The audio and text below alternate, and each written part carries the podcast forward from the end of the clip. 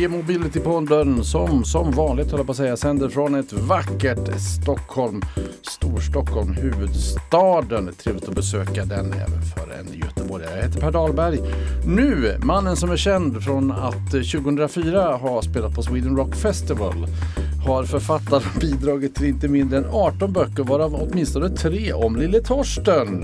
Eh, det kan vara så att för den stora allmänheten är Per Holmgren mer känd som meteorolog, klimatexpert och också eh, politiker numera. Han är hedersdoktor i Uppsala universitet och han har sommarpratat i Sveriges Radio. Hej och välkommen! Hej Per med E. Själv stavar jag med Ä. Ja, hur kommer det sig? Uh, det är en ganska uh, tydlig förklaring på det. Mina föräldrar, min pappa kommer från Dalarna och mamma från Norduppland, uh, född i Gävle. Och man ville inte att jag skulle stava med E för då trodde de att jag skulle bli kallad för Pelle. Och det ville de inte, ah. utan hellre Ä. Och sen när jag växte upp så kallade de flesta mig för Perra. För det är ju vanligare i, i, i Dalarna att med ja, Perra än ja, Pelle. det. Ja, men det var en markering där. Ja, det var en markering. Uttalsmarkering. Mm. Du, Sen eh... kan det ju vara också i Gävle att de inte kan säga E. Jag tänker att hur låter Thomas de Läva? är det så? Har man speciella vokaler i Gävle? Ja, det är ju väldigt breda än. Ja, det är det. Ja, är det? Ä. Ja, mm. Okej. Okay. Du, hur kommer det sig att du blev meteorolog? Ja, det började någon gång på gymnasiet att jag, ja, dels hade jag väldigt lätt för matematik och fysik eh, och jag ville göra något av det sen på universitetsnivå. Och eh, just eh, meteorologin eh, och inte minst nu med klimatfrågan så har den ju den här möjligheten att knyta ihop det på sätt och vis ganska teoretiska, matematiska, fysiska, det, det, som sker i atmosfären med väldigt praktiska saker som vad är det för typ av samhälle vi ska bygga och vad ska vi ha för beredskap när det kommer in en storm och, och sådär. Så att det är ett, å ena sidan väldigt smalt ämnesområde men det är ändå exempel på att det är tvärvetenskapligt i sig. N när var det du började koppla ihop ditt arbete då eh, med, med miljön? Alltså när började du bli intresserad för miljön mer än bara kolla vädret? Ja, faktiskt nästan eh, från allra första stund. Eh, första året i min utbildning, 83-84, så gjorde jag ett extra år då i försvaret på ett sätt för mig också att göra värnplikten. Det gjorde att jag blev eh, försvarsmeteorolog. Jag kommer ihåg redan det första året så hade vi några gästföreläsare som kom dit och, och berättade om vad man kan arbeta som och vilka frågor man kan arbeta med som meteorolog. Och då var det någon, jag kommer inte ihåg vem det var nu, men som då pratade om att man behövde inte bara arbeta med väderprognoser och det mer traditionella då, utan till exempel miljöfrågor. Då var det mycket om luftkvalitet, eh, försurningsproblematiken var stor, spridning av partiklar, eh, spridning av eh, utsläpp och så vidare. Och sen eh, tog det väl ordentlig fart under de år då jag var doktorand i meteorologi på Uppsala universitet sent 80-tal, tidigt 90-tal. För det var ju precis då som FNs klimatpanel bildades och i alla fall i, i vårt lilla skrå så började klimatfrågan bli en sån här snackis vid kaffebordet. Och då eh, lyssnade jag ju mycket på de äldre forskarna och, och rent vetenskapligt nyfiket började jag lära mig mer och mer. Sen ramlade väl egentligen poletten ner på riktigt först när jag blev pappa då i mitten av 90-talet. Då jag förstod att det var mina egna barn som skulle få uppleva allt det där mot slutet av 2000-talet, slutet av nästa århundrade. Det kändes ju så otroligt långt fram då. 2100 men ja. Nu är vi här snart 2020 och vi börjar redan vid en grads uppvärmning se ganska drastiska konsekvenser av klimatförändringen. Vi, vi kommer till de här graderna för de är lite förbryllande men vi, tar, vi kommer till dem om en, om en stund. Men var det någon konsensus bland meteorologer för ska vi säga, 20-25 år sedan att vi hade eh, ett miljöproblem som var annalkande eller, eller var det kontroversiellt på något sätt? Eh, bland forskarna så var det ju i princip konsensus redan då. Eh, det FNs klimatpanel gjorde redan i den första rapporten var ju att man sammanställde all forskning som fanns. Och redan utifrån det, och det här var då 1990, kunde man konstatera att om vi inte gör något åt det här så kommer vi att få problem i framtiden. Man var väldigt noga med att understryka då 1990 att de förändringar vi har sett än så länge kan man inte egentligen säga att det beror på oss människor utan det håller sig fortfarande innanför de naturliga variationerna. Men väldigt snart, om den här trenden som man redan då såg, om den fortsätter så kommer vi hamna utanför och det gjorde vi ju sen mitten på 90-talet och framförallt nu under 2000-talet. Hur var det att vara meteorolog och, och, stå där mitt i det där och säga jaha, nu händer det. Var det så? Fick du den känslan? Ja, alltså det, det Alltså å ena sidan, det, det, är ju en förskräcklig tragedi som är på väg att utspela sig på denna planet. Men samtidigt så kan jag ju ibland ur ett rent personligt perspektiv känna att det, det är så fascinerande att få vara med om allt det här. Just att stå på första parkett liksom och, och, kunna vara med och påverka. Ehm, jag eh, är ju tillräckligt gammal i alla fall då för att eh, jag hann lära känna Bert Bolin, han som bildade FNs klimatpanel. Jag tror vi gjorde fem, sex, sju föreläsningar tillsammans då när han pensionerade sig och kom hem.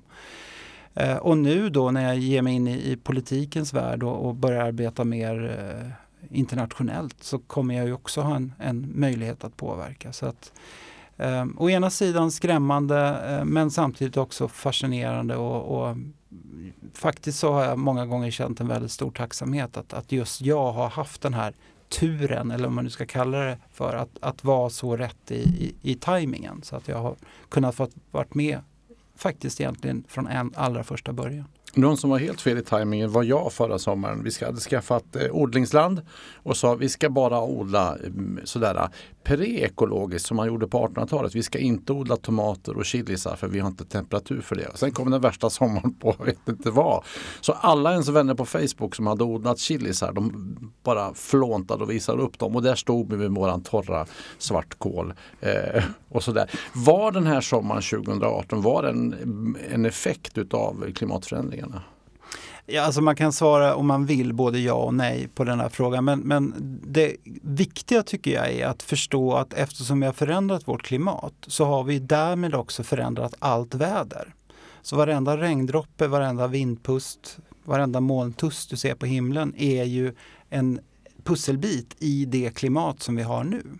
Så det hade ju inte varit samma väder i somras som vi hade i somras rent teoretiskt, mycket, mycket, mycket hypotetiskt så kanske det hade kunnat varit lika varmt. Men, men sannolikheten för det ja, den är så försvinnande liten så att när det blir så extremt som det var i somras så tycker jag i alla fall inte att man ska vara för försiktig och, och låta bli att säga att det inte skulle bero på klimatförändringarna. Utan... Finns det någon risk med att dra i varningsklockorna? Alltså med bjällrorna där och säga hallå nu kommer vargen? Ja, det finns ju det och det är därför man samtidigt behöver vara ganska noggrann hur man uttrycker sig. Och, eh, jag har ju några år bakom mig nu i försäkringsbranschen och där handlar det ju så väldigt mycket om riskbedömningar. Så det man definitivt kan säga det är att den här typen av somrar som vi hade 2018 kommer att bli vanligare i framtiden och vi får räkna med stigande risker för till exempel skogsbränder och svårtorka och även stigande risker för skyfall och så. Därmed inte sagt att sommaren 2019 behöver bli jätteextremt exceptionell. Det kanske blir en helt vanlig sommar. Och har man då liksom eh, dragit för hårt i, i, i nödbromsen eller varningsklockorna så kan ju det slå tillbaks då. Om, om det är någon som står och säger att nu får vi faktiskt räkna med att eh, alla somrar kommer bli så här. Riktigt så illa är det ju. Men hur når man ut då? Alltså Måns Möller och Özz Nujen eh, skämtar lite grann om detta med ett visst allvar ändå. Att vi hade massor med skogsbränder, fruktansvärda tragedier och det folk var mest förbannade på var grillförbudet. ja. Jo, de har många poänger i sin eh, show där. Ehm, eh, och ja, det, det, det, det där är så svårt det här med kommunikation för man når ju fram eh, och in i olika människor på så olika sätt. Ehm, eh, alltså man, man måste nästan ha någon, någon slags tanke kring kommunikation till människor man måste verkligen tänka till, vad befinner sig den människan i för position just nu? Är han eller hon ens mottaglig för en massa till exempel teoretiska bakgrundsfakta? Eller ska man mer liksom prata kanske känslomässigt? Eh, eh, risker. Eh, titta på alla barn som strejkar nu på fredagar. Liksom. Det finns ju en anledning till att de gör det. De känner så stor oro. Är det rimligt att vi i den vuxna generationen då inte tar ett ansvar och försöker lindra deras oro? Behöver vi fler Gretor på gator och torg som demonstrerar? Ja, det är ju redan nu fantastiskt många. Eh, jag var förra veckan i Bryssel. Nu är det ett tag sedan vi spelade in det här. Ja. det här som vi säger nu händer inte nu utan det hände förut. Ja. ja. Men nu när vi sitter här så kan jag säga att jag förra veckan var i Bryssel och då var det ja, åtminstone tusen skolungdomar som och då, då var det inte någon sån här stor manifestation utan det var en, en, en vecko. Det var det som hände varje torsdag där. I resten av världen är det fredagar men där är det tydligen torsdagar. Du, eh, det här är ju till stora delar en elbilspodd. Eh, elbilarna eh, kommer. Eh, räddar vi världen genom att köra elbil? Nej, tyvärr gör vi ju inte det, men däremot räddar vi världen genom att sluta köra fossilbilar. Så eh, jag har älskat elbilar och pratat elbilar säkert i, i 20 år som en del av lösningen. Eh, men samtidigt så brukar jag ofta betona att om vi idag har, jag tror vi har 1,3 miljarder bilar i världen idag och de, jag vet inte hur stor andel som går på bensin och diesel men kanske 95 procent i alla fall, kanske 99. Ganska görmånga. Ja. Mm.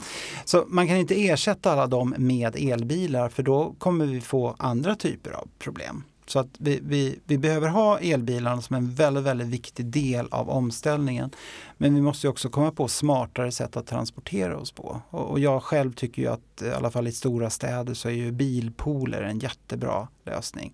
Eh, vi ska se till att ha taxibilar som går på el. Vi, vi ska ha hyrbilar som går på el. Men det kanske inte är självklart att vi om, om låt oss säga 10-20 år någon gång på 2030-talet har ett samhälle där det är som norm att alla människor ska äga varsin elbil. För då tror jag att vi får andra typer av utmaningar och problem.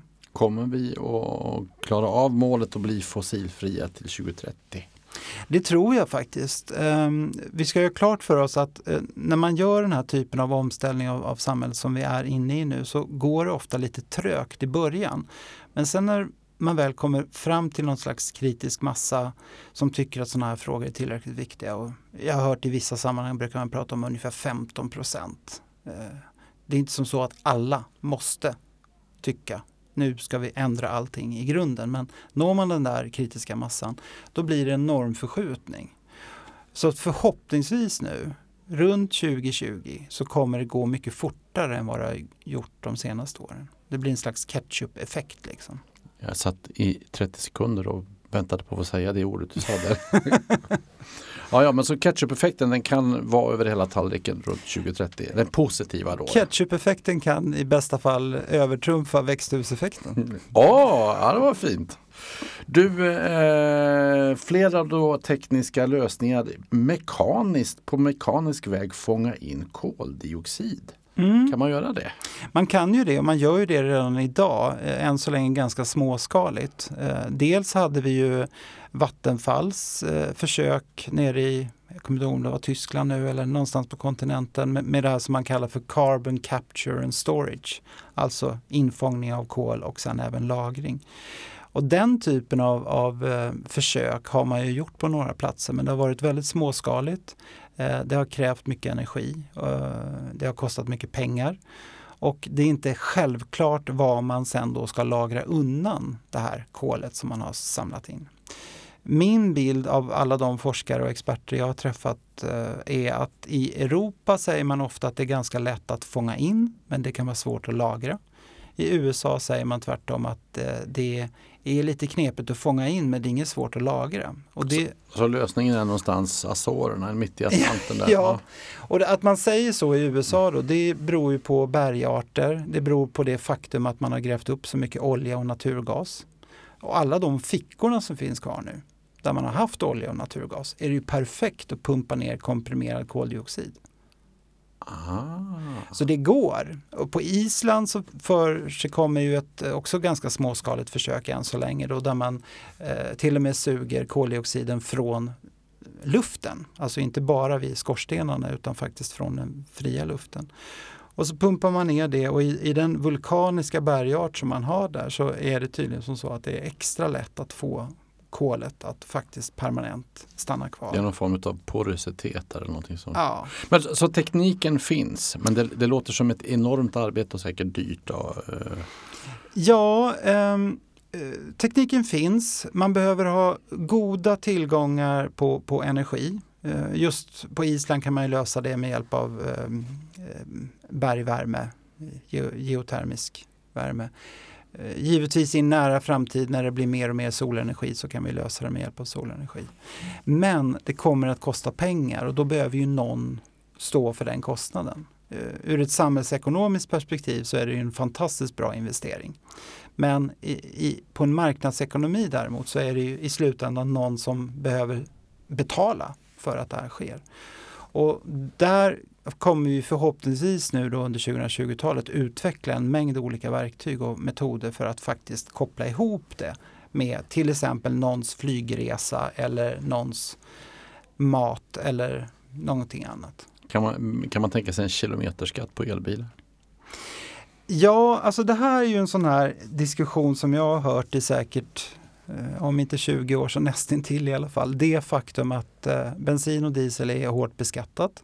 Det är ett sätt för staten oftast då att få in eh, de skattepengarna och börjar nu människor köra elbil och framförallt om vi skapar till och med förutsättningar för att människor att med egna solceller tillverka sin egen el till bilarna. Då hamnar vi i ett läge där vi då inte får samma skatteintäkter och även en elbil leder ju till eh, slitage av vägarna, eh, behov av infrastrukturella eh, investeringar och satsningar. Så att på något sätt så måste vi ju klara av att lägga det pusslet. Men du står inte här och viftar med flaggan kilometerskatt på elbilar. Det är för tidigt för det eller vågar du inte? På sikt så kommer vi behöva det. Men, när marknaden är, är, mogen för det, det, det återstår att se. Okej, ska vi ta den här då, globala uppvärmningen som ska stanna under 1,5 grader. Vad är skillnaden mellan 1,5 grad och 2 grader? Ja, tyvärr, för många människor på planeten är det faktiskt en fråga om liv eller död. Eh, olika delar av, av, världen är så enormt olika känsliga. Mm, tvågradersmålet kommer ju från början från att man i vissa länder här i Europa gjorde en, en, analys om vad är det egentligen vi klarar av. Och ett land som Sverige, om vi bara tittar på Sverige isolerat, så har ju vi egentligen ganska goda möjligheter att även anpassa oss till ett två grader, kanske två och en halv grader varmare klimat också. Men andra delar av världen, stora delar av Afrika har ju länge sagt att deras smärtgräns ligger någonstans runt en och en halv grad. Men vad händer då om man överstiger den här 1,5? Hur påverkar det de, eh, då, de länderna som inte klarar av högre? Ja, framförallt så är det ju matproduktion och tillgång på vatten. Och det leder ju nästa steg då till en snabbt ökad risk för konflikter, eh, stora folkförflyttningar. Jag kanske inte vill använda ordet krig, men nästa steg i den händelsekedjan kan ju vara krig eller inbördeskrig. Och givetvis stora flyktingströmmar. En, en destabilisering av, av hela vår civilisation.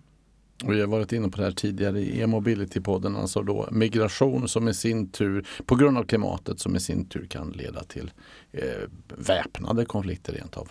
Definitivt. Och det, det, här är ju någonting som fler och fler eh, säkerhetspolitiska bedömare eh, landar i de slutsatserna.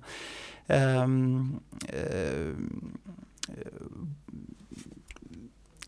World Economic Forum, jag hittade inte ordet, men World Economic Forum i, i början på året nu gjorde ju en, en eh, sammanställning av de största hoten mot vårt samhälle, vår civilisation och kanske framförallt mot världsekonomin. Då. Um, och av de, de tio topp största hoten där så fem, sex handlar ju om klimat, klimatförändringar, extrema väderhändelser, misslyckande att anpassa oss tillräckligt snabbt och tillräckligt väl. Så att det är det här som är det enskilt största hotet mot oss just nu. Kommer delar av jorden att riskera att bli obeboeliga? Alltså kommer, kommer vi få ett nytt Sahara någon annanstans? Eller?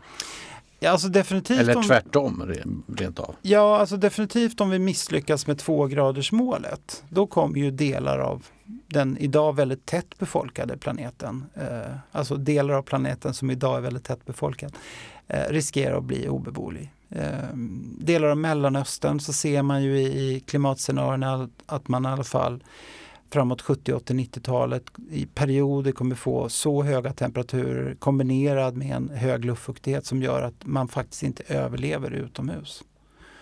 Eh, och det är såklart att de rika människorna som bor i de områdena, de kan ju ha aircondition och klara sig men, men de fattiga gör ju inte det. Och då kommer man ju såklart långt innan det sker behöva fly. Men, men det handlar om eh, översvämningar, delar av jorden som, som man kanske inte kan. Vi har pratat tidigare i den här podden om, om Stilla havsnationer eh, med små mm. nationer och så vidare. Eh, men även på andra platser då, alltså att luftfuktigheten blir så hög. Ja, alltså när man, när man pratar värmebölja, eh, visst det var varmt i, i, i, somras här i Sverige men, men det var ju en, en relativt låg eh, luftfuktighet i den varma luften. Och, och om, låt oss säga att det är 35 till 40 grader Eh, och det är torrt, då svettas ju vi. Och när, när, vi svettas så kyler vi av vår kropp. Och om vi bara har tillräckligt mycket vatten då att dricka, då klarar vi ju av en sån värme. Men om det är 35-40 grader eller ännu värre då en bit över 40 grader och dessutom en hög luftfuktighet, då hjälper det liksom inte att vi svettas. Då, då slutar vår termostat att fungera. Och till slut då, det blir som att vara instängd i en bastu. Liksom. Till slut så, så klarar inte kroppen av att reglera temperaturen. Alltså det, det, här, det är långt innan det här händer och förhoppningsvis kan vi undvika det. Men i, i de värsta scenarierna så är vi på väg mot en sån framtid om låt oss säga 50, 60, 70 år. Men det här då med... med eh... Inte i Sverige, men, men, på vissa platser i världen. Men, men det här då med, med eh, polerna, som, alltså Arktis och, mm, och så. Eh, hur, hur länge kan vi hålla på? När, när finns det inget, när är isen borta från Grönland?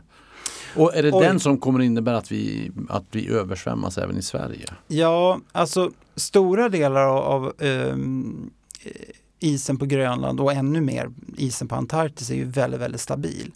Så att beroende på hur stor och snabb uppvärmningen blir så, så även i, i, värsta fall så finns säkert isen kvar på Grönland om låt oss säga tusen år.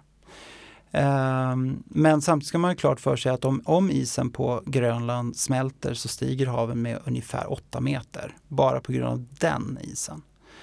Uh, isen på Västantarktis, den här halvudden som sticker upp mot Sydamerika, det är ungefär lika mycket. Sju. Det lilla hornet som går upp där. Ja, det är 7-8 meter. Och det är just de två isarna som är mest instabila.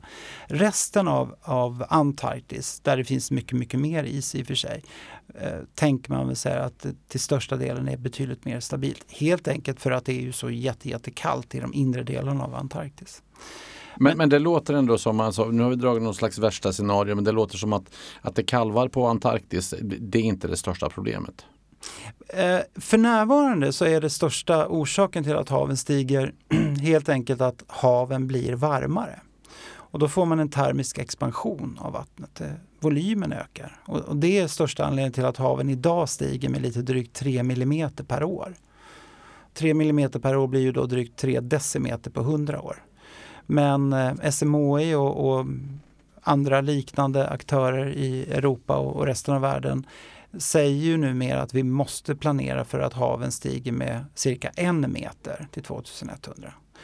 Men det är inte slut där och det är ju det som är det skrämmande. Sen kommer haven med mycket, mycket, mycket stor sannolikhet accelerera och stiga med ytterligare en till två meter under nästa århundrade. Och sen kommer det fortsätta i antagligen tusentals år framåt. Det är fruktansvärt deprimerande egentligen. Men, ja. men, men alltså, kan vi stoppa det här nu då? Ja, teoretiskt skulle vi kunna göra det. Dels genom att som sagt sluta gräva upp det fossila och ställa om till ett fossilfritt samhälle. Och om vi sen då kan kombinera det med den här typen av teknik som vi var inne på förut som då även skulle kunna försvaga växthuseffekten, alltså ta bort en del av de utsläpp som vi redan har gjort.